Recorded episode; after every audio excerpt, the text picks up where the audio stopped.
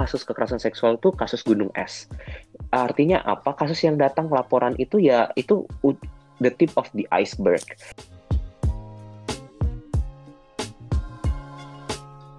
Ketika struktur sosial masyarakatnya itu punya perspektif yang victim blaming, bahkan gawatnya misalnya victim shaming, ya korban mau nggak mau nggak ngomong. Kalau lembaga kemahasiswaan tuh harus melihat korban itu kondisinya seperti apa. Kenapa harus melihat? Karena tidak semua korban berani atau bisa untuk mengungkapkan.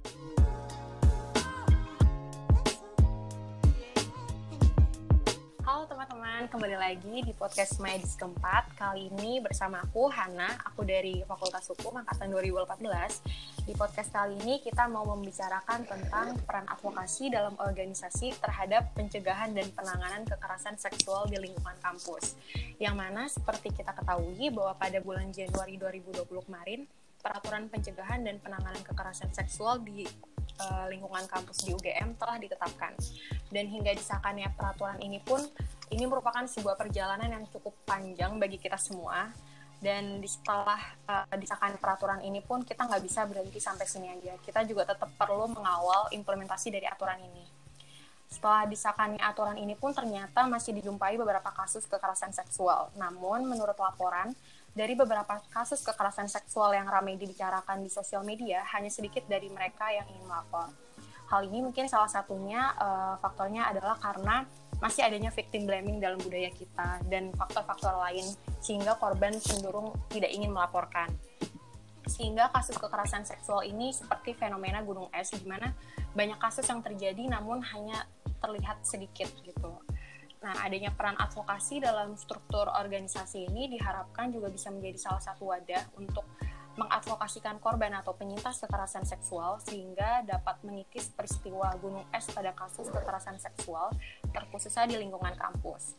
Nah sekarang kita udah kedatangan pembicara yang sudah cukup berpengalaman dalam bidang advokasi. Ada Bang Jose uh, dari Hope Helps Network yang mana Hope Helps ini sendiri merupakan perkumpulan yang menyediakan layanan tanggap dan pencegahan kekerasan seksual di kampus-kampus Indonesia Melalui lokal chapternya, Hope Health ini menyediakan layanan advokasi bagi korban kekerasan seksual di kampus dan aktif dalam kampanye anti kekerasan seksual baik di kampus maupun secara nasional. Halo Bang Jose. Halo Hana. Uh, Bang Jose mungkin mau memperkenalkan dirinya. Halo teman-teman UGM, kenalin nama aku Jose. Saat ini menjadi Direktur Umum di Hope Health Network makasih banyak ya Bang Jose udah bersedia mengisi uh, podcast kali Sama-sama, Ana. Uh, mungkin aku langsung aja kali ya Bang ke pertanyaan pertama. Oke, okay, uh, gini Bang, uh, kalau dari Bang Jose sendiri, uh, bagaimana sih sebenarnya peran advokasi dalam suatu organisasi atau komunitas terhadap pengawalan isu kekerasan seksual ini kayak kira-kira bentuk advokasi apa yang dapat kita berikan gitu loh untuk uh, pengawalan isu ini. Oke, okay, um, ini aku coba menangkap uh, advokasinya dulu. Ini berarti advokasi yang dimaksud ini sampai di level mana nih kalau menurut Hana nih? Karena advokasi itu kan bahkan sampai penanganan kasus korban juga itu advokasi tuh. Tapi misalnya kayak sosialisasi itu juga advokasi gitu lebih ke organisasi seperti BMKM okay. lembaga-lembaga fakultas. Oke, okay, oke. Okay. Oke, okay, udah dapet ya berarti. Um, gini sih sebenarnya. Uh, yang perlu kita pahami bersama itu yang namanya organisasi kemahasiswaan itu pasti punya power gitu. Mereka um, walaupun um, secara kekuasaan gitu ya, kita mungkin bicaranya nggak kayak negara yang punya kekuasaan besar gitu, enggak gitu. Tapi yang namanya organisasi kemahasiswaan pasti punya kekuasaan, pasti punya uh, kewenangan begitu. Nah, setiap lembaga-lembaga yang punya kekuasaan dan punya kewenangan pasti punya tanggung jawab untuk melaksanakan uh, uh, kewenangannya itu, kekuasaannya itu dengan sebaik-baiknya. Nah, ketika harus melakukan, ketika suatu lembaga kemahasiswaan itu harus melakukan dengan sebaik-baiknya, dia harus melihat alat-alat yang dia punya apa, dia harus melihat apa yang harus dibuat sehingga dapat dilakukan dengan sebaik-baiknya kayak gitu. Nah, terkait dengan kekerasan seksual, uh, lembaga kemahasiswaan itu perlu nih melihat ketika melakukan advokasi. Ini uh, dia harus melihat dulu advokasi apa sih yang diperlukan oleh um, lingkungan mahasiswanya di lingkungan kampusnya gitu. Apakah cukup uh, apakah cukup dengan membuka, membuka layanan atau hanya cukup referring ke pengada layanan atau perlu juga ada sosialisasi, edukasi kayak gitu. Nah, itu kembali lagi harus ada analisanya. Harus dianalisa oleh uh, lembaga kemahasiswaan terkait karena misalnya nih dari network nih, network kan uh, memang ada pengalaman untuk membuka local chapters di berbagai kampus, tapi kami nggak bisa untuk misalnya kayak tembak rata semua satu jenis advokasi gitu itu nggak bisa. Gitu. Tiap kampus itu punya karakternya masing-masing punya uh, ciri-cirinya masing-masing punya struktur sosialnya masing-masing. Jadi memang yang punya dan yang tahu dan yang bisa masuk uh, itu adalah lembaga kemahasiswaannya. Nah ketika itu ketika lembaga kemahasiswaan itu mengenal karakter dari kampusnya lingkungannya ketika mengenal ciri-cirinya maka kita bisa tabrakan. Yang kita tabrakan dengan apa? Kita tabrakan dengan apa sih yang belum diketahui? Apa sih uh, uh, pain pointnya lah istilahnya gitu. Kalau istilah uh, ininya ya, istilah manajemennya, pain pointnya ketika dalam isu kekerasan seksual itu apa di dalam lingkungan kita? Misalnya, oh ternyata lembaga ini uh, ngedetect nih kalau ternyata uh, orang itu bahkan nggak tahu uh, ke jenis-jenis kekerasan seksual tuh apa misalnya gitu. Atau ternyata ngedetect root cause-nya adalah uh, karena tidak ada uh, disediakannya ruang aman misalnya gitu. Anything misalnya. Nah, begitu sudah dianalisa barulah bisa dilakukan advokasi yang sesuai sama uh, kebutuhan dari lingkungannya. Nah Kenapa harus seperti itu? Kesannya kayak agak kom agak simple ya, tapi sebenarnya itu kompleks. Kenapa harus dilakukan kayak gitu? Karena kembali lagi dalam konteks kasus kekerasan seksual ini adalah kasus-kasus yang berbeda dengan pemidanaan-pemidanaan lainnya. Dalam kasus-kasus tindak pidana lainnya, begitu. Contoh, kalau pencurian ini uh, aku coba masuk ke ranah yang lebih gampang ya, dicerna gitu bahasanya. Kalau masuk ke ranah misalnya tindak pidana pencurian, kita tidak akan pernah berpikir misalnya ada orang yang mencuri rumah kita. Kita tidak akan pernah berpikir kayak um, aduh kayaknya ini salah aku deh. Aku terlalu membuat rumahku terlalu besar. Aku tidak menjaga rumahku dengan baik. Uh, jadi aku aja yang disalahkan tidak apa-apa. Uh, pencuri yang masuk ke rumahku tidak usah disalahkan karena dia sebenarnya tergoda karena aku membuka rumahku misalnya kita nggak akan pernah kepikiran kayak gitu kan? Kalau untuk kasus uh, tindak pidana pencurian. Tapi untuk kekerasan seksual ini lain cerita hal yang terjadi di pencurian itu uh, memang sama-sama tindak pidana terjadi di kekerasan seksual, tetapi bukan ber uh, tapi bukan berarti hanya itu yang terjadi. Ada stigma, ada ada uh, struktur-struktur sosial yang membuat korban itu uh, menjadi korban untuk kedua kali. Ada lingkungan yang tidak suportif misalnya seperti itu. Nah, jadi memang kasus kekerasan seksual itu mau nggak mau, mau nggak mau harus mendapat perhatian lebih, advokasi lebih dari lembaga-lembaga kemahasiswaan yang ada di kampus mana pun. Mungkin ini uh, kenapa sih diperlukan kayak gitu? Karena pertama tadi ada ada hal-hal selain daripada ada hal-hal yang yang uh, melekat dengan tindak pidana uh, tindak pidana atau uh, ya tindak pidana kekerasan seksual ini. Lalu yang kedua ada uh, selain daripada itu hal-hal yang melekat ini itu tidak serta merta bisa diselesaikan dengan ilmu-ilmu hukum kita. Itu uh, itu nggak bisa. Tapi harus ada uh, kohesi dari berbagai macam ilmu. Nah kalau masalah kalau ngomongin masalah ilmu hukum pasti cukup peraturan begitu kan. Tadi udah dibilang tuh uh, soal peraturan rektor UGM begitu.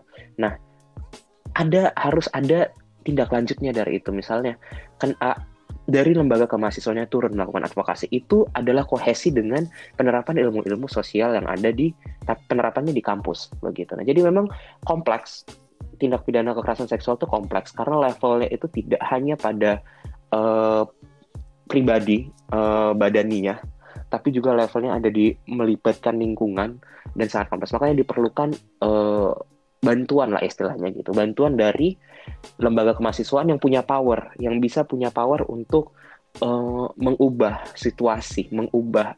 Kalau tidak bisa mengubah, menyarankan atau meng, meng, mensuggest kepada masyarakat lingkungan kampus kalau ini loh kondisi ideal terhadap kekerasan seksual gitu. Uh, lembaga ini perlu melihat advokasi apa yang diperlukan di lingkungan kampusnya. Jadi kayak harus dianalisa dulu ya bang, kayak sekiranya advokasi apa sih yang dapat diberikan gitu ya bang. Betul. Nah, aku lanjut ke pertanyaan selanjutnya. Uh, kan dari Hope Health sendiri nih aktif banget nih dalam mengkampanyekan anti kekerasan seksual. Nah, kalau menurut Bang Jose sendiri, gimana sih metode sosialisasi dan edukasi yang tepat untuk meningkatkan awareness uh, terhadap isu kekerasan seksual ini? Oke, okay. um, tadi aku udah agak singgung dikit ya. Uh, lembaga kemahasiswaan itu harus bisa ngedetect dulu nih uh, kebutuhan advokasi dari lingkungan kemahasiswaannya seperti apa, dari ikatan keluarga mahasiswanya kayak gimana, gitu. Nah, selain daripada itu, setelah dianalisis tadi, uh, aku juga udah kasih tau kan, masuklah dari situ, dari hasil analisanya. Nah, cuman kan uh, kita melihat kalau uh, advokasi itu nggak bisa serta merta berdasarkan kebutuhan, tapi juga berdasarkan uh, keharusan. Harusnya seperti apa? Begitu. Nah, itu yang harus juga bisa dimiliki sense yang harus dimiliki oleh lembaga kemahasiswaan. Gitu. Uh, contohnya itu seperti ini. Uh, kebutuhannya ternyata di lingkungan kemahasiswaannya uh, adalah uh, edukasi mengenai jenis jenis-jenis kekerasan seksual, misalnya begitu. Uh, sudah ada, uh, ternyata belum ada, belum ada, uh, belum ada kanal untuk uh, edukasi secara um, secara uh, mata kuliah misalnya kayak gitu, misalnya ya. Nah, maka lembaga kemahasiswaan itu kalau memang merasa itu adalah suatu keharusan bagi lembaga kemahasiswaan ini untuk lingkungan kampusnya itu punya mata kuliah-mata kuliah yang berperspektif gender, berperspektif korban, berperspektif uh, anti kekerasan seksual, maka silahkan silahkan diadvokasikan, silahkan di, uh, di, disosialisasikan ke mereka yang punya kewenangan untuk membuat mata kuliah. Begitu. Nah, jadi kembali lagi aku akan terus ini aku selalu bilang nih ke teman-teman di local chapternya network ya itu kalau harus kasuistik. Advokasi edukasi itu kasuistik. Tapi yang pasti adalah kita harus memahami apa kebutuhan lingkungan uh, kita Lalu yang kedua, apa keharusan yang seharusnya sebenarnya terjadi? Idealnya seperti apa? Kondisi idealnya seperti apa? Lalu apa yang bisa kita lakukan untuk mencapai kondisi ideal itu? Nah, toolsnya banyak, mau itu diskusi publik, mau itu uh, sosialisasi med sosial media, mau itu mengadakan uh, uh, survei atau bahkan misalnya personal approach misalnya kalau mau lebih kompleks lagi gitu ya silahkan nggak apa-apa selama itu pertama tadi sesuai dengan kebutuhan lingkungan uh, kampus. Kedua, uh, tahu arah tujuan ke, ke suatu keharusannya itu, ke suatu kondisi ideal. Dan yang ketiga, uh, tahu karakteristik dari kampus teman-teman sehingga cara-cara yang uh, dipakai oleh lembaga kemahasiswaan itu sesuai dengan karakter yang ada dan sesuai dengan uh, yang tadi masalah uh, tentang si keharusan dan tentang si kebutuhan gitu. Oke, nah, bang, uh, kan dalam apa proses advokasi nih pasti ada hal penting yang perlu kita perhatikan dan mungkin ini bisa menjadi ketakutan dari teman-teman advokasi lain juga karena dalam proses memperjuangkan kasusnya bisa aja korban ini dapat menjadi lebih tertekan, bingung atau depresi. Nah, kira-kira aspek penting apa sih yang uh, dalam proses advokasi ini terhadap pengawalan isu kekerasan seksual? Oke, okay. yang paling penting dan yang paling terutama adalah korban. Dalam penanganan dalam uh, ini kita bicara advokasi dulu ya dalam dalam dalam uh, tataran edukasi luas lah gitu kayak sosialisasi gitu. Gampangnya kayak bikin publikasi lah misalnya begitu ya.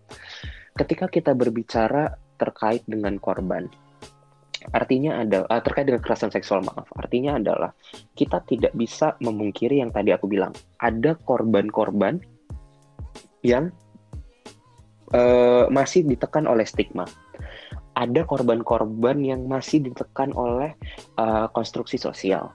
Ada korban-korban yang punya post traumatic uh, uh, syndrome disorder PTSD atau ada korban-korban yang bahkan belum menjadi penyintas. Dia bahkan masih menjadi korban sampai pada saat misalnya kita mau melakukan edukasi atau sosialisasi. Nah, maka ketika kita melakukan edukasi sosialisasi, hal pertama yang harus di kepala kita adalah uh, kita harus mencoba sedemikian rupa menaruh posisi kita seakan-akan kita korban dan kita melihat edukasi sosialisasi ini. Kita masuk ke ranah edukasi sosialisasi dulu ya.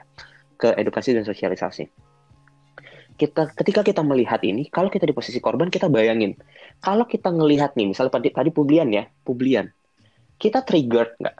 Kalau misalnya kita sebagai korban, kita ngelihat, kita uh, eh, PTSD-nya muncul nggak uh, sindromnya? Atau kalau kita melihat, kita jadi takut nggak? Jadi gelisah nggak? Atau malah kalau kita melihat, kita jadi hopeful, kita jadi punya harapan, kita jadi tidak merasa sedih, kita tidak jadi merasa uh, uh, uh, patah semangat misalnya gitu. Mungkin kesannya kayak uh, kok gampangan banget ya kita kayak uh, kayak se, se kayaknya remeh temeh begitu ya yang yang yang mau dilihat gitu. Tapi ya itu kondisinya yang ada di lapangan saat ini. Kenapa seperti itu? Karena banyak sekali korban yang sebenarnya dia gini, banyak korban yang sebenarnya tahu bahwa ada satu uh, misalnya satu lembaga ini dia peduli akan kekerasan seksual tetapi lembaga ini tidak sadar bahwa tidak semua korban itu adalah uh, korban yang kuat, korban yang uh, yang yang punya kemampuan psikologis juga secara kuat. Sehingga ketika korban melihat itu dia jadi korban lagi. Dia teringat lagi traumanya, dia teringat lagi uh, apa namanya? uh, masa lalunya seperti itu. Nah, itu yang harus dihindari ketika kita melakukan edukasi sosialisasi. Nah, itu masuknya karena apa? ya mungkin masalah lebih detailnya misalnya masalah warna, gambar, uh, pemilihan kata ya itu teknikalnya lah. Tapi semua harus diperhitungkan ketika kita melakukan edukasi dan sosialisasi. Tetapi tetap kalau dalam dalam tataran uh, materi tidak boleh di uh, tidak boleh di um, ditutup-tutupi. Kalau misalnya kita edukasi sosialisasi kalau kita memang mau bilang apa itu kekerasan seksual ya jelaskan dengan jelas definisinya apa. Begitu. Tetapi kan dalam suatu edukasi sosialisasi itu kan ada ranah uh, ada ranah uh, quote unquote propagandanya gitu kan. Ada ranah uh, seperti uh, pemanisnya lah gitu. Nah, itu yang bisa kita bermain membuat materi yang mungkin secara kata, secara kata-kata itu sangat uh, mungkin bisa menimbulkan PTSD tetapi dari segi uh, visualisasi uh, indera yang yang keluar dari edukasi dan sosialisasi itu kita bisa tambal uh, dari segi materialnya gitu. Itu mengenai edukasi dan sosialisasi. Tapi kalau misalnya penanganan kasus, banyak nih uh, lembaga gini, uh, banyak kampus yang belum punya pengada layanan gitu kan. Dan biasanya kasus-kasus kekerasan seksual itu dihandle sama lembaga kemahasiswaannya sendiri tetap hal yang paling pertama yang harus diperhatikan oleh semua lembaga kemahasiswaan yang menghandle kasus itu adalah kepentingan korban. Kepentingan korban dalam ranah apa? Yang pertama, korban itu harus menjadi uh, harus uh, di, harus jadi uh, sumber konsultasi kita Artinya apa? Konsultasi itu yes korban berkonsultasi ke kita gitu kan kebutuhan kita apa eh, kebutuhannya uh, korban itu apa yang bisa dipenuhi oleh kita gitu. Tapi kita berkonsultasi ke korban dalam artian korban ini butuhnya apa? Korban itu kondisinya seperti apa gitu. Nah, uh, yang pasti adalah kalau lembaga kemahasiswaan itu harus melihat korban itu kondisinya seperti apa Kenapa harus melihat? Karena tidak semua korban berani atau bisa untuk mengungkapkan uh, mengungkapkan kondisi dia saat ini. Dia dia bahkan sudah hebat ketika dia berani berkata bahwa dia adalah korban, melapor bahwa dia adalah korban itu dia aja menurut uh, itu harusnya dia sudah hebat. Nah, untuk dia bisa deep dive lebih dalam lagi itu akan perlu emosi struggling lebih dalam lagi sebagai korban. Maka lembaga kemahasiswaan itu harus melihat kondisi. Apakah dia butuh pendampingan psikologis, apakah dia butuh pendampingan medis, atau apakah dia butuh uh, hanya psychological first aid misalnya. Harus dilihat sesuai dengan kondisinya. Lalu yang kedua, uh, lembaga kemahasiswaan itu harus mendengarkan korban. Mendengarkan korban ini artinya apa? Mendengarkan korban ini artinya adalah kita, uh, selain melihat dengan mendengarkan kita juga bisa tahu kondisi korban. Ada misalnya mungkin lewat kata-kata yang terucap dia bilang misalnya memang secara psikologis dia memerlukan bantuan. Tetapi misalnya kita bisa tahu dari cara dia berbicara atau dari cara dia ngomong kita bisa menduga gitu ya bahwa dia butuh uh, bantuan psikologis misalnya. Nah dari situ aspek lain dari uh, listen adalah kita selalu uh, menanyakan korban apa yang korban perlukan, apa yang korban butuhkan, dan sampai sejauh mana korban mau dibantu. Kenapa ini jadi penting? Karena uh, korban, uh, gini, kita tahulah di Indonesia ini penanganan kasus untuk kekerasan seksual itu butuh emosi dan butuh energi lebih bagi korban, baik bagi korban maupun dari bagi uh, pengada layanan. Jadi harus ada uh, korban ini harus tahu korban ini harus tahu dan harus bisa paham apa yang akan dia lewati, apa yang akan dia uh, tempuh begitu. Nah, itu juga jadi eh, kewajiban bagi lembaga mahasiswa untuk jelasin. Lembaga mahasiswa harus jelasin seperti apa hal-hal uh, yang akan di, di, di, di, ditempuh oleh korban kalau dia memilih untuk uh, misalnya uh, memilih untuk masuk ke jalur hukum atau misalnya cukup sekedar sampai uh, psikologis korban itu harus uh, inform, diberitahukan, baru dia bisa kita tanyakan bagaimana pendapat korban begitu. Apakah dia mau melanjutkan sampai ke tahap yang mana begitu. Nah, harus terus mendengarkan korban.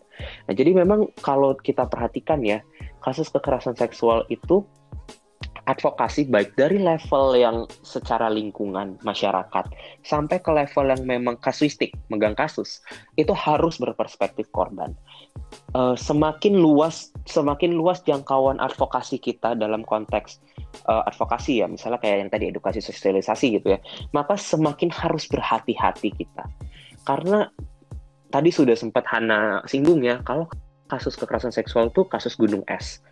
Artinya apa? Kasus yang datang laporan itu ya itu the tip of the iceberg. Kita nggak bisa tahu nih banyak korban yang ternyata dia senyum-senyum gitu. Ada mungkin korban yang ternyata uh, leader di lembaga kemahasiswaan. Dia, uh, dia terlihat kuat, dia terlihat tangguh, tapi ternyata di dalamnya korban, ya dia tetap menjadi korban dan dia punya PTSD misalnya. Nah, itu yang harus diperhatikan, sangat-sangat diperhatikan oleh lembaga kemahasiswaan ketika um, melakukan advokasi terkait isu kekerasan seksual, gitu, Hana. Oke, jadi uh, yang paling terpenting ini adalah kepentingan korban ya, Bang. Betul. Jadi, lembaga tuh harus mengetahui kebutuhan dan kondisi korban karena nggak semua korban ini bisa mengungkapkan kondisinya saat ini juga dan lembaga juga perlu untuk mendengarkan korban dari situ kita bisa apa ya menanyakan apa yang korban butuhkan dan sampai mana sejauh uh, sejauh mana korban ingin dibantu betul. Uh, dan tambahan satu lagi lembaga kemahasiswaan tuh harus tahu kemampuan dia sampai mana. Gitu. Uh, lebih tepatnya begini sih.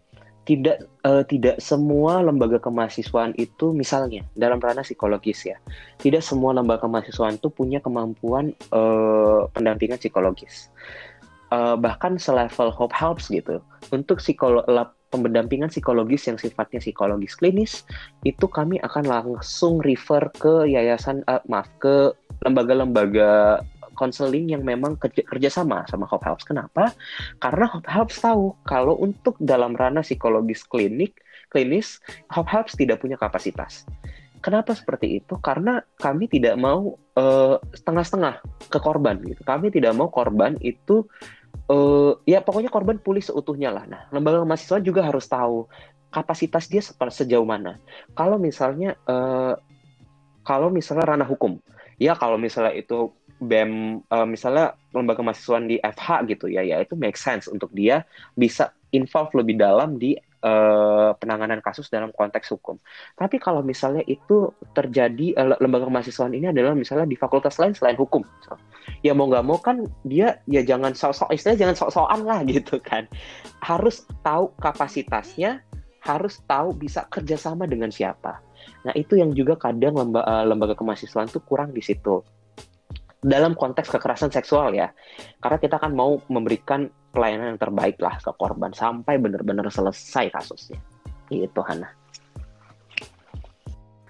Uh, kekerasan seksual ini kan nggak terlepas ya bang dari proses internal internalisasi nilai-nilai sosial yang ada di masyarakat kita kayak uh, baik melalui kebijakan budaya masyarakat setempat ataupun ajaran agama yang sering kali ini ditafsirkan secara bias gender.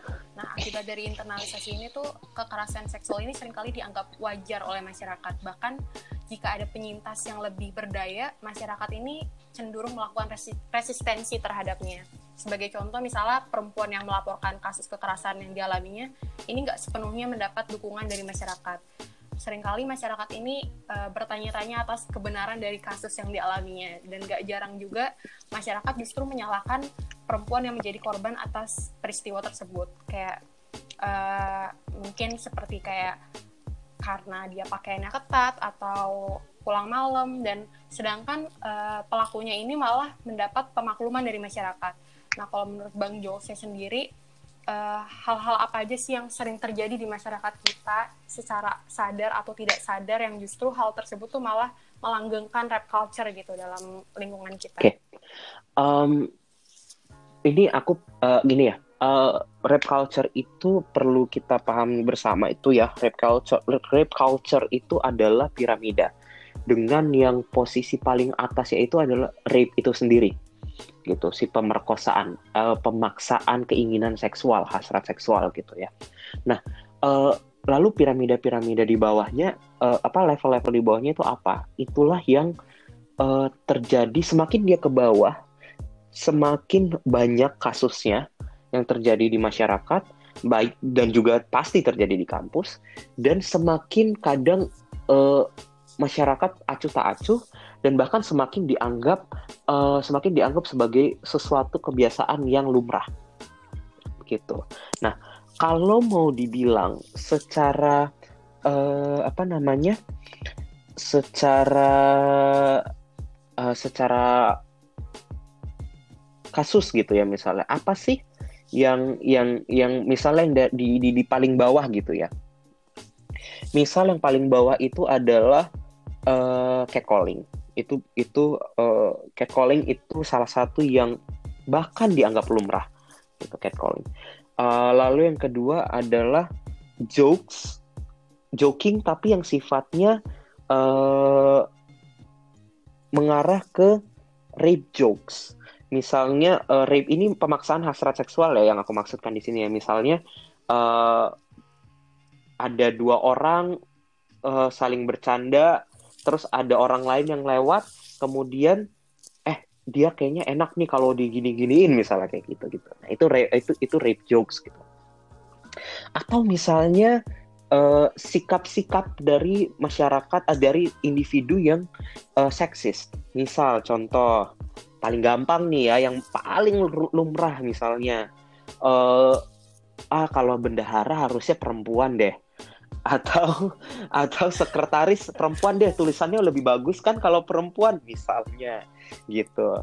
Atau contoh ah kalau ketua kelas kayaknya harusnya laki-laki deh karena dia bisa bawa-bawa barang berat misalnya gitu. Kita tanpa kita sadari nih itu lumrah kan dan dan lumrah dan dianggap suatu suatu bahkan uh, parahnya ya dianggap sebagai suatu kebiasaan yang ya udah gitu. Itu uh, nor bahkan bukan norma ya aku nggak berani bilang norma ya tapi uh, ya kebiasaan begitu. Nah tanpa kita sadari itu adalah bagian paling bawah dari rape culture. Gitu. Itu adalah kalau piramida tuh itu paling bawah. Pa, uh, mengarah ujung-ujungnya apa? Ujung-ujungnya adalah rape. Gitu. Ketika dia uh, secara teori uh, rape culture itu kalau dari bawah itu di bawah itu dia semakin gampang untuk dilakukan normalisasi. Dan itu yang bahaya, yang di bawah ini. Karena kenapa bahaya? Karena ketika itu sudah ternormalisasi, maka akan terjadi next step, degradasi. Untuk tindakan-tindakan yang ada di arah degradasi, itu kalau di piramida itu di bagian tengah. Contoh, misalnya uh, victim blaming. Kemudian ancaman-ancaman. Kemudian misalnya foto video yang non konsensual, yang yang yang asal ngambil foto, asal ngambil video misalnya kayak gitu kan sering lah ya kasus-kasus begitu di kampus gitu kan. Atau misalnya uh, grouping, grouping itu uh, nyentuh nyentuh uh, alat kelamin, nyentuh badan bagian badan tertentu. Jadi sudah ada tindakan yang mendegradasi, tapi belum masuk ke ranah assault. Kalau dia sudah masuk ke ranah assault, itu sudah masuk di ranah yang paling atas rape culture. Itu termasuk misalnya rape, rape itu sendiri, pemerkosaan. Kemudian kalau di bahasanya hukum kita itu pencabulan atau misalnya uh, uh, pemaksaan hasrat seksual lainnya begitu. Nah, jadi memang kalau kita berbicara rape culture, rape culture itu intinya pada dasarnya gini, secara praktikal banyak banyak banyak uh, banyak tindakan-tindakan yang bisa diklasifikasikan dalam piramida rape culture. Tetapi bagaimana sih mengidentifikasinya? Cara mengidentifikasinya adalah pertama, apakah ada relasi gender yang timpang di situ? Kedua, kalau ada ketimpangan relasi gender, apakah gender yang posisinya lebih tinggi itu uh, memaksakan kehendak hasrat seksual kepada uh, posisi gender yang satunya lagi? Lalu yang ketiga, apakah ada keterlibatan hasrat seksual di dalamnya? Kalau ketiganya itu ada, maka kita bisa pastikan itu masuk dalam ranah rape culture. Gitu. Termasuk kayak tadi, victim blaming. Victim blaming kita nggak nggak serta merta masalah hasrat seksual tidak serta merta ada penerap ada hasrat seksual dari gender yang lebih tinggi ke gender yang lebih rendah misalnya kayak gitu kan secara uh, relasi kuasa tapi ada keterkaitan dengan hasrat seksual di situ kalau victim blaming atau misalnya uh, victim shaming. Kalau shaming itu kalau blaming itu menyalahkan, kalau shaming itu mempermalukan gitu ya. Kalau victim shaming itu uh, bisa biasanya tuh kayak uh, kita ngegosip ngegosip ngegosip terus uh, kita shaming tuh misalnya ah uh, uh, kita ngegosip ngegosip terus korban udah kita tahu korban itu siapa gitu misalnya tapi kita gosipin aja si korban tuh sama orang-orang lain yang kita nggak tahu nih eh, yang korban tidak tahu bahwa kita menceritakan kisahnya dia ke orang lain itu shaming. Nah, uh, jadi memang uh, ranahnya itu luas rape culture. Setiap uh, kelompok masyarakat itu punya tindakan-tindakan yang bisa diklasifikasikan sebagai rape culture tergantung dari lingkungannya masing-masing. Tetapi ada cara mengidentifikasinya tadi. Selama dia ada relasi gender, relasi kuasa, lalu ada berkaitan dengan hasrat seksual, uh, ada termasuk di dalamnya pemaksaan, ada degradasi, yang kayak gitu kayak gitu. Nah, itu bisa kita masukkan dalam ranah rape culture gitu. Oke, Bang. Nah, dari hal-hal yang tadi udah Bang Jose sebutkan tuh uh, menurut Bang Jose nih kayak upaya apa sih yang dapat kita lakukan? Mulai dari sendiri diri sendiri. Kenapa begitu? Karena ketika semua orang memulai untuk ini ini idealnya ya uh, utopianya begitu ya ketika semua orang mulai sadar dan mulai membiasakan diri untuk uh, menjauhkan diri dari tindakan-tindakan yang bersifat kekerasan seksual maka uh, ya pada akhirnya kekerasan seksual itu sendiri bisa dicegah dengan uh, berangkat dari diri sendiri tiap individu. Cuman kan dunia dunia tidak seindah itu Ferguson kan kalau istilahnya kan gitu. Jadi harus ada tindakan yang kita bisa lakukan lagi. Nah, selain berangkat dari diri kita. Tadi kalau berangkat dari diri kita artinya apa? Kita belajar. Pelajari lebih dalam lagi. Apa itu kekerasan seksual? Apa yang apa yang uh, apa itu rape culture apa tindakan-tindakan yang secara subtle, subtle, subtle itu uh, tidak terlihat, tapi ternyata itu adalah rape culture. Tapi itu ternyata adalah kekerasan seksual kita pelajari dan kita jauhkan diri kita dari tindakan-tindakan seperti itu. Jauhkan itu artinya kita tidak berbuat kayak gitu ya. Nah, ketika kita tahu apa yang kita pelajari kayak gitu lah. Ketika kita melihat ada kejadian seperti itu terjadi terhadap orang lain, atau maaf terhadap ya orang lain, jadilah bystander yang smart. Artinya apa? Jadi bystander yang bisa uh, uh, bisa menjadi uh, harapan bagi korban yang tahu dia korban dan bagi korban-korban yang bahkan tidak tahu dia jadi korban begitu. Nah, teman-teman uh, dari Holoback Jakarta itu sudah dari Holoback ya itu sudah mengklasifikasikan untuk kalau jadi bystander itu ada ada ininya ada caranya untuk bisa jadi bystander yang baik. Untuk kalau istilahnya Hope House itu smart bystander gitu ya. Teman-teman Holoback itu mengklasifikasikan jadi 5. 5D. Nah, yang pertama, D yang pertama itu adalah D yang pertama itu adalah distract. Distract itu artinya apa? Distract itu artinya, oh, maaf, uh, ya, uh, direct, sorry direct. Direct itu artinya apa? Kita secara langsung mengintervensi. Misal ada ada orang yang uh, ada ada teman kita kita lihat nih teman ada orang yang disiul-siulin sama orang lain gitu ya cewek cewek gitu atau misalnya eh ganteng banget ganteng banget sini dong misalnya kayak gitu kan nah kita sebagai bystander uh, bisa melakukan direct intervention intervention artinya apa kita langsung masuk ke dalam kondisi itu kemudian kita tengahi kita bilang kepada pel uh, pelakunya, hey yang kamu lakukan itu adalah suatu rape culture, yang kamu lakukan itu salah, tolong hargai dia. Gitu. Lalu kita tanya korban, bagaimana keadaan kamu, kamu nggak apa-apa kan, digituin misalnya. Uh, lalu yang kedua adalah distract. Distract ini adalah kondisi di mana misalnya kita tahu nih korban, uh, uh, korban ini kondisinya sedang jadi korban. Kita distract fokusnya kita istilahnya kayak kita distract fokusnya uh, pelaku dan korban. Contoh, misalnya ada orang yang grepe-grepe. Kita ngeliat ada orang yang grepe-grepe gitu ya. Nah, ketika kita lihat, kita uh, contohnya misalnya tanya ke korban. Korbannya misalnya nggak tahu nih, ya, kita tanya ke korban. Eh, uh, jam berapa nih sekarang? Atau misalnya uh, maaf permisi mau nanya. Kalau mau ke arah kalau mau ke apa namanya kalau mau ke perpustakaan lewat mana ya misalnya? Nah itu distract. Dengan mendistract pelaku akan ada kemungkinan pelaku untuk menghentikan tindakannya dan korban kita tarik dari kondisi itu. Atau misalnya distract itu juga bisa uh, tanpa melakukan direct intervention kita berada di tengah-tengah misalnya di grepe-grepe gitu kan. Uh, kalau istilahnya kalau di, di transportasi umum itu digesek-gesek misalnya kayak gitu. Kita langsung berada di tengah-tengahnya. Kita selipkan badan kita di tengah-tengahnya. Kita terus sambil kita bisikan uh, kamu agak geser aja nggak apa-apa ya misalnya kayak gitu ke korban misalnya. Nah itu distract. Lalu yang ketiga adalah delegate. Nah untuk delegate ini untuk delegate ini uh, ini adalah intervensi-intervensi yang sifatnya kita tahu nih kondisi kita itu secara kemampuan nggak sanggup untuk melakukan intervensi secara langsung, maka kita panggil pihak-pihak yang bisa melakukan intervensi. Contoh, kita lagi di uh, uh, di kampus misalnya, kemudian ada yang kita lihat ada suatu kekerasan seksual.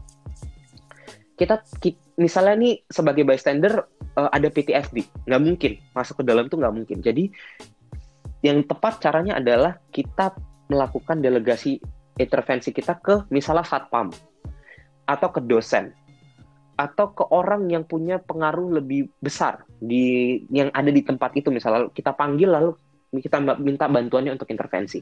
Mungkin kesannya kita nggak intervensi langsung iya, tapi kita menjadi bystander yang cermat di situ, yang yang yang cerdas. Kenapa? Karena kita tahu kondisi dan kemampuan kita. Kita panggil orang yang lebih sanggup untuk intervensi. Yang keempat adalah delay.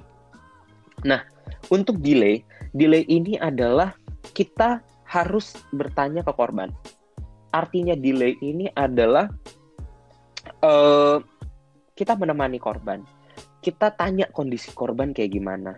Kita kasih tahu uh, kita kasih tahu bahwa dia baru saja ini ini intinya gini, dia baru jadi kekeras dia baru jadi korban kekerasan seksual kita jangan meninggalkan dia sendirian. Kita make sure dia menjadi korban, uh, dia pada saat setelah menjadi korban, uh, dia mendapatkan bantuan yang dia perlukan.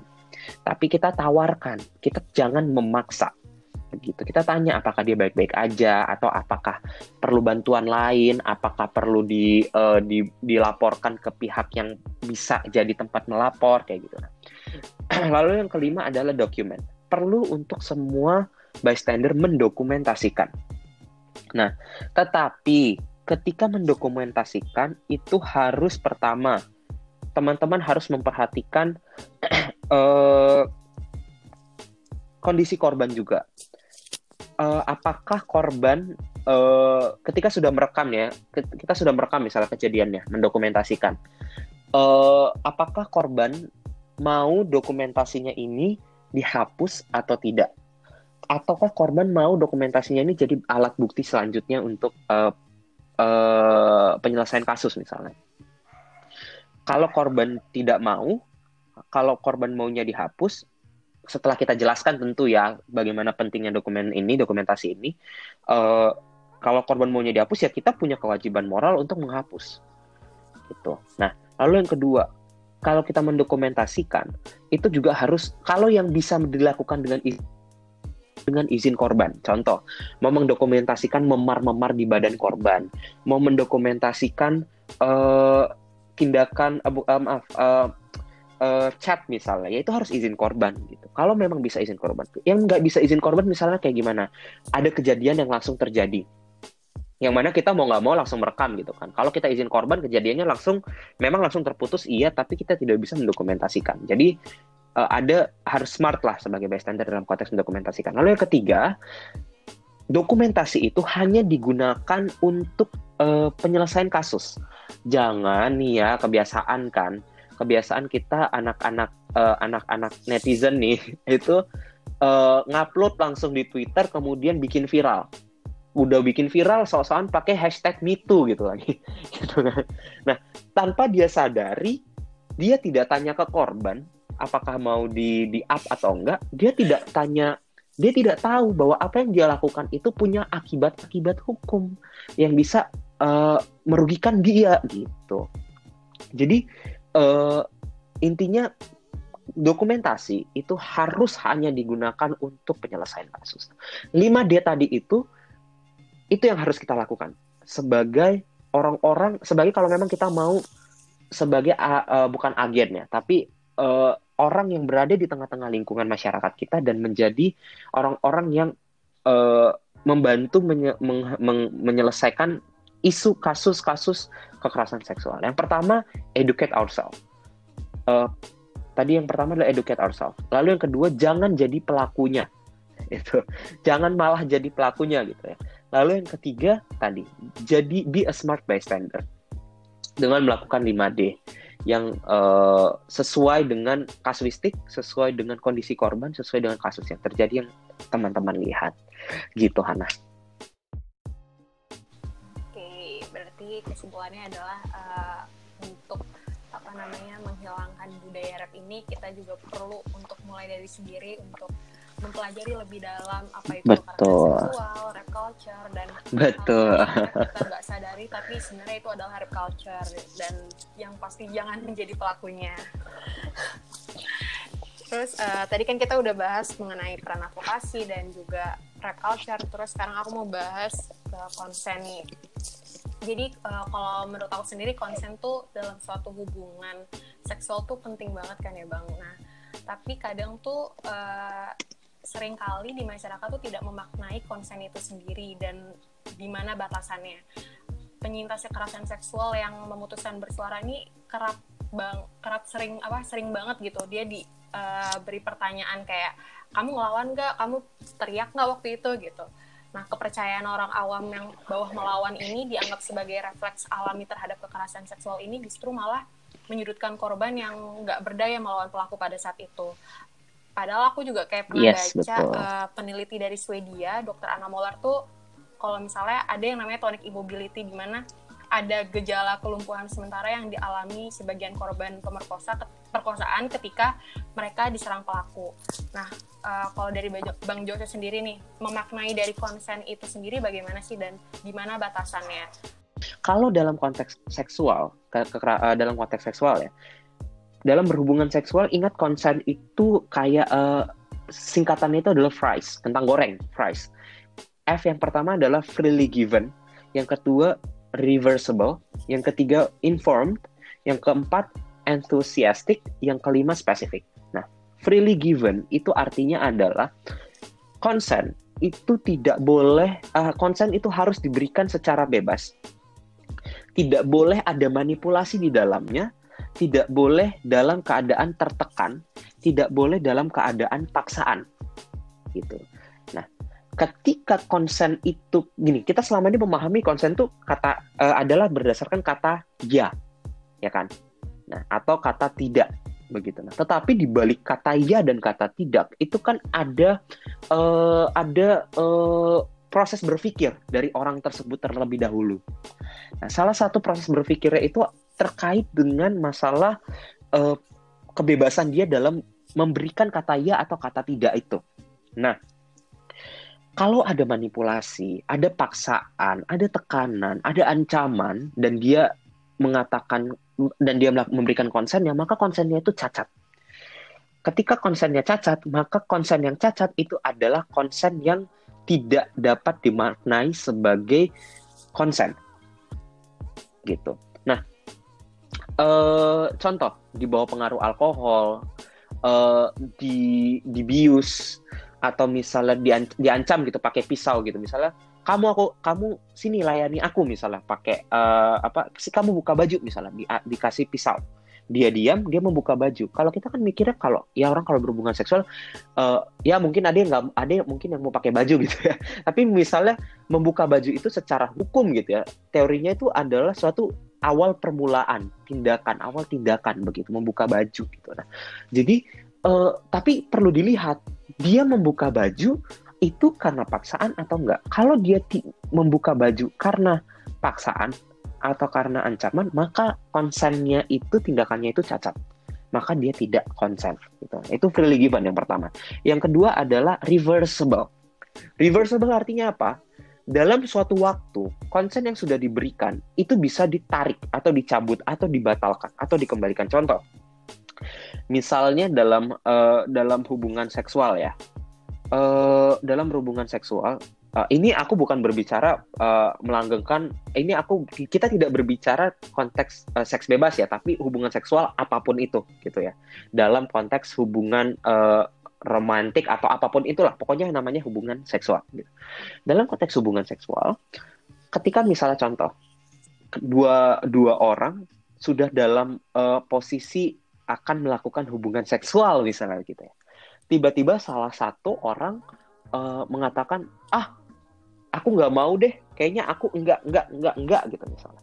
Ketika orang lawannya itu, ketika orang yang satunya itu tetap memaksakan hubungan seksual padahal sudah dikatakan tidak, dan padahal sebelumnya itu si orang yang mengatakan tidak ini sudah mengatakan iya gitu, maka pada saat itu konsen tidak diberikan konsen itu dicabut gitu. Pada saat dia katakan tidak ya. Ketika di, dia menarik uh, konsen dan orangnya ini itu tetap memaksakan maka terjadi kekerasan seksual begitu. Nah jadi bisa ditarik kembali konsen lalu yang ketiga inform.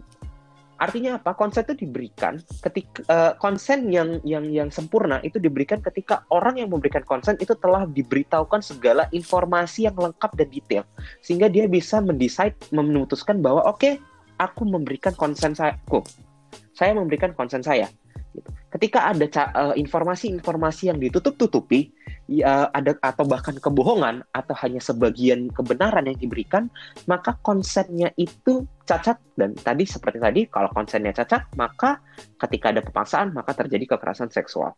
Contohnya misalnya gini, uh, aku uh, misalnya nih ya, ini terlepas dari dia apakah pasangan suami istri, pasangan tidak suami istri, atau bahkan bukan pasangan gitu ya. Misalnya dalam berhubungan seksual, uh, si orang yang satu bilang, kamu pakai kondom ya misalnya. Terus orang yang satu, iya oke okay, aku pakai kondom.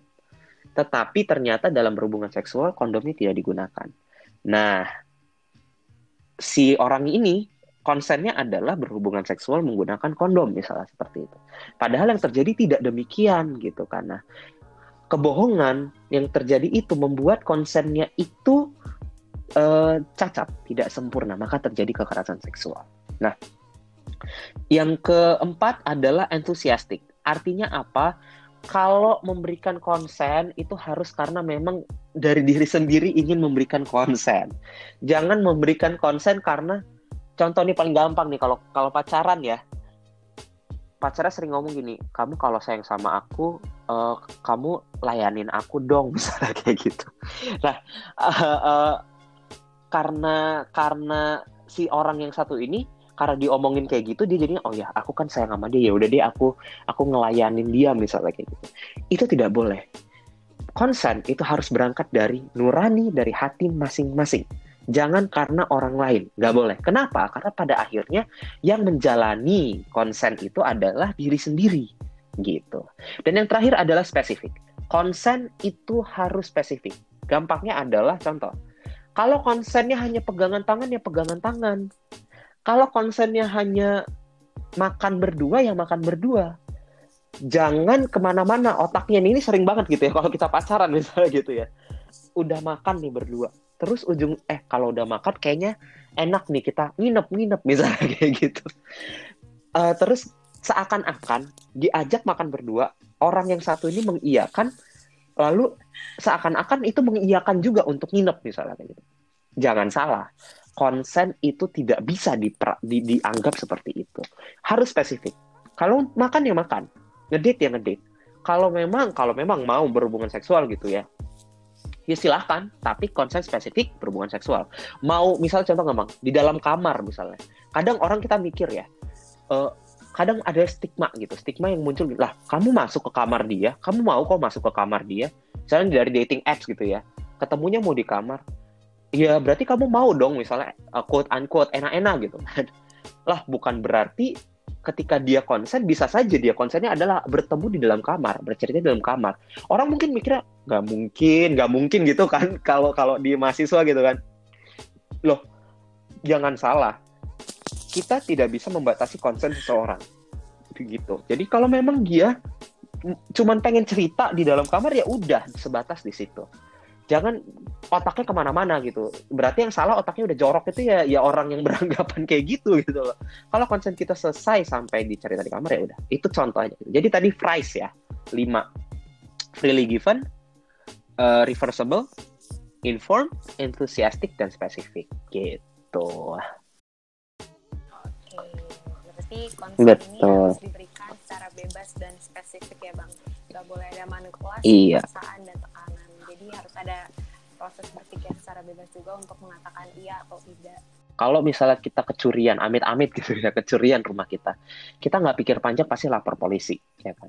Atau misalnya uh, amit-amit tindak pidana yang lain, uh, uh, perampokan, misalnya curanmor lah misalnya gitu, pasti kita melapor polisi.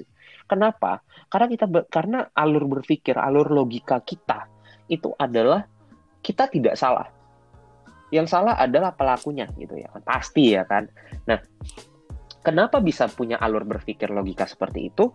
Karena ya kita diajari seperti itu. Kenapa kita diajarkan seperti itu? Karena lingkungan masyarakat kita punya perspektif seperti itu terhadap tindak pidana tindak pidana yang tadi aku sebutkan. Curanmor perampokan pencurian yang kayak gitu kayak gitu. Nah apa yang membedakan dengan kekerasan seksual?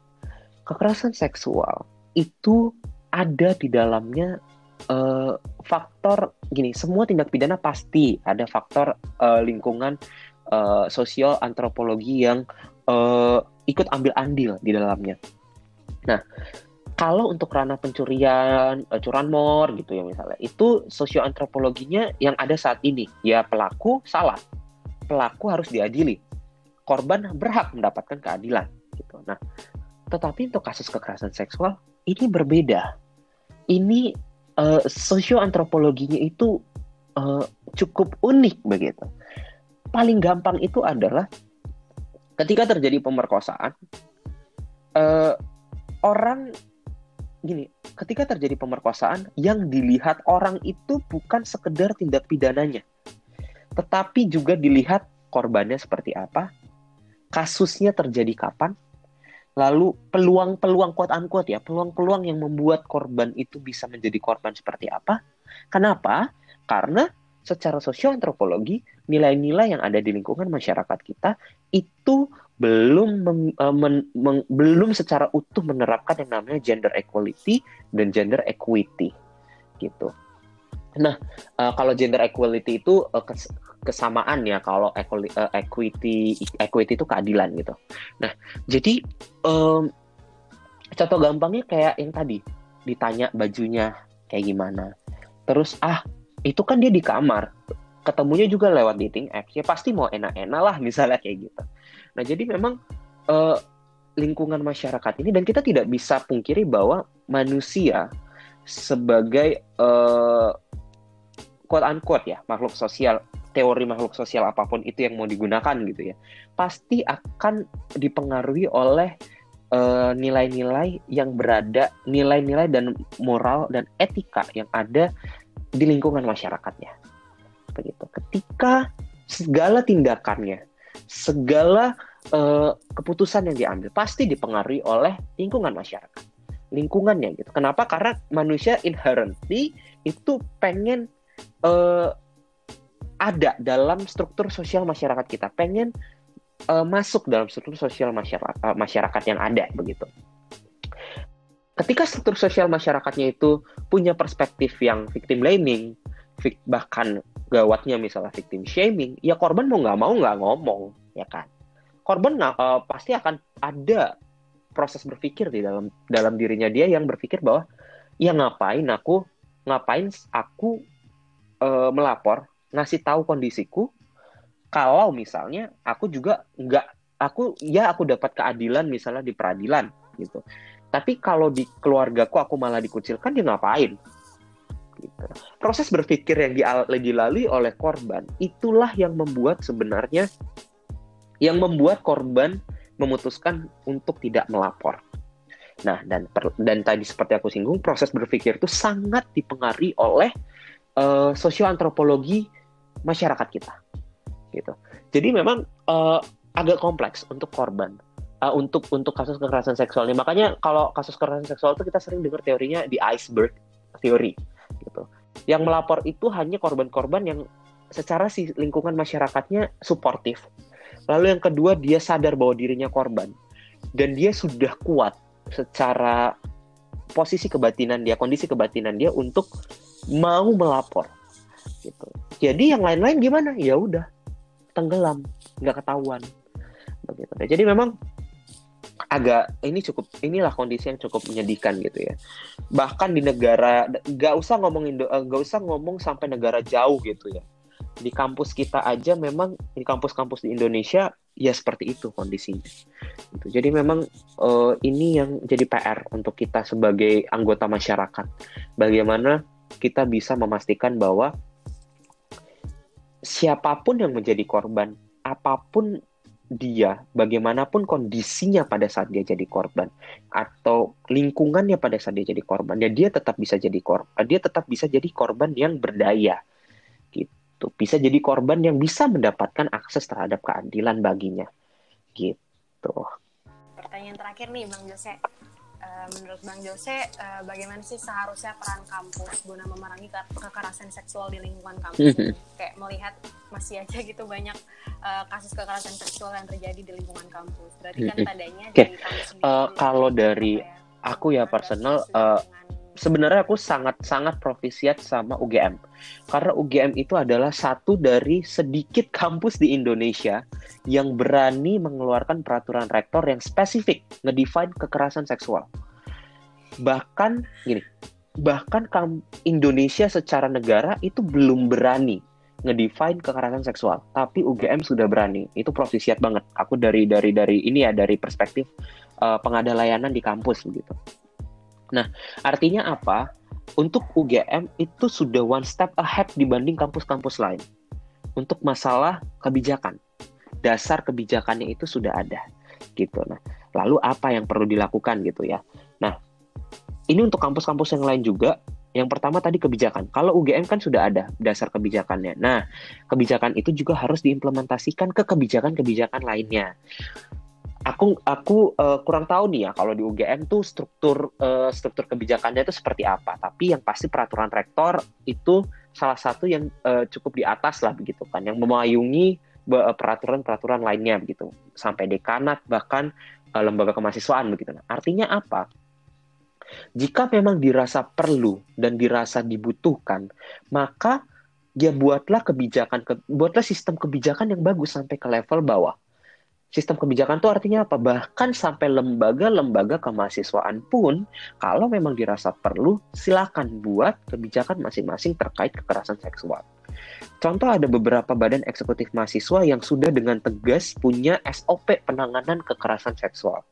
Ada beberapa uh, ada beberapa uh, lembaga-lembaga kemahasiswaan yang uh, sudah punya kerjasama dengan uh, kerjasama dengan pengada-pengada layanan dan menerapkan prinsip-prinsip pengada layanan di lingkungan kemahasiswaan yang dia uh, punya tanggung jawab di situ gitu. Jadi memang sistem kebijakannya itu harus dibuat. Itu yang pertama. Lalu yang kedua uh, harus ada kohesi. kohesi ini artinya apa?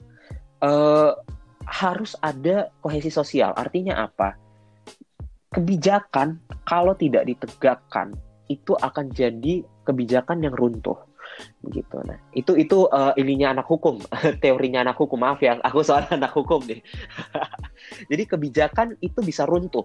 Suatu waktu kebijakan itu bisa runtuh. Bagaimana cara memper, menegakkan ke, uh, bagaimana cara kebijak membuat kebijakan ini supaya tidak hukum uh, tidak tidak runtuh harus ditegakkan. Siapa yang bisa menegakkan semua stakeholders yang ada di dalam lingkungan sosial yang mana kebijakan itu berada.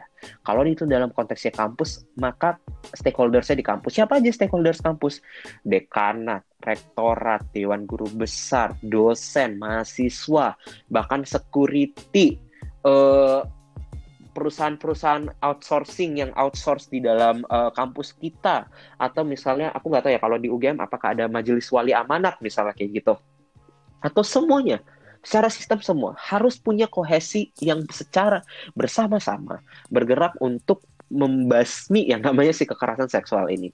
Caranya bagaimana? Aku bilang lagi balik harus ke karakter kampus masing-masing. Tapi yang pasti harus tujuannya adalah peningkatan awareness. Mau nggak mau awareness itu harus ditingkatkan. Baik awareness dari sisi materialnya, material itu artinya uh, kekerasan seksual itu apa, uh, apa saja tindakan-tindakan yang masuk dalam ranah kekerasan seksual, yang kayak gitu kayak gitu ya. Nah, dan juga awareness terhadap kebijakannya, gitu. Kebijakan itu bisa jadi deterrence, bisa punya deterrence e-, effect, bisa uh, punya uh, dampak yang menahan orang untuk melakukan tindak pidana tersebut gitu. Itu bisa kalau or kita semakin ngeblas gitu misalnya kampus tuh ngeblas mensosialisasikan mengenai uh, peraturan rektor UGM gitu misalnya. Yang bilang bahwa uh, A B C D E gitu. Ya itu bisa jadi deterrence effect. Walaupun walaupun tidak sempurna tapi bisa membantu gitu. Jadi peningkatan awareness itu tidak hanya dari materinya tapi juga dari uh, kebijakannya. Lalu mengenai edukasi.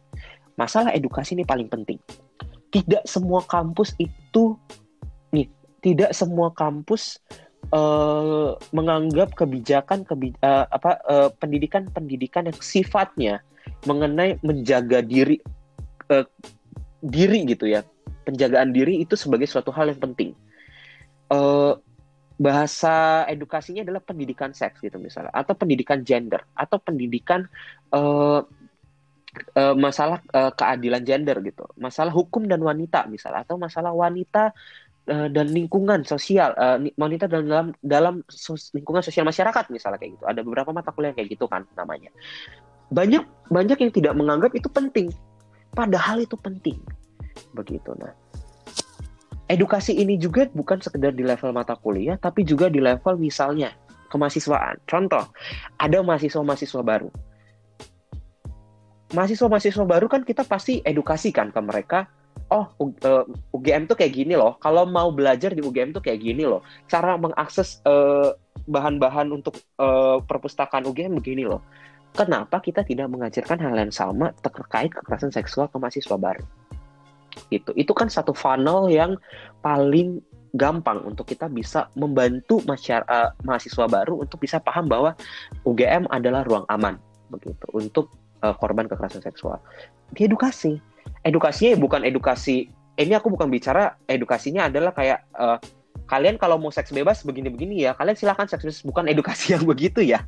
Gitu tapi edukasinya adalah kita edukasi kekerasan seksual itu apa bentuk-bentuknya seperti apa biar mereka tahu. Kalau seandainya amit-amit, amit-amit, mereka jadi kekerasan, jadi korban kekerasan seksual, mereka tahu ke mana mereka harus melapor, mereka tahu bahwa mereka jadi korban, gitu. Setidaknya dengan mereka tahu, mereka bisa mencari keadilan dan lembaga kemahasiswaan memberikan bantuannya. Dan kalau mereka melihat jadi bystander yang smart katanya. Lalu yang ketiga adalah kolaborasi. Ini juga jarang banget kampus kita di di yang bisa berkolaborasi untuk isu kasus kekerasan seksual. Kolaborasi itu nggak cuma sekedar di antar lembaga kemahasiswaan, sampai ke level rektorat, dekanat. Bahkan misalnya kita selama ini melihatnya cuma sekedar di level rektorat, dekanat misalnya. Oh udah ada peraturan cukup lah. Oh udah ada uh, apa namanya forum untuk penanganan kasus sudah cukup lah. Oh nggak bisa gitu. Lembaga kemahasiswaan harus saling berkolaborasi juga. Karena gini, kita kalau istilahnya kita kalau individu aja berjuang sendirian capek ya kan kalau individu gitu apalagi untuk isu kekerasan seksual ya kalau bisa berkolaborasi why not gitu jadi itu tiga tadi. Uh, kalau aku lihat uh, aku uh, aku uh, saran aku ya.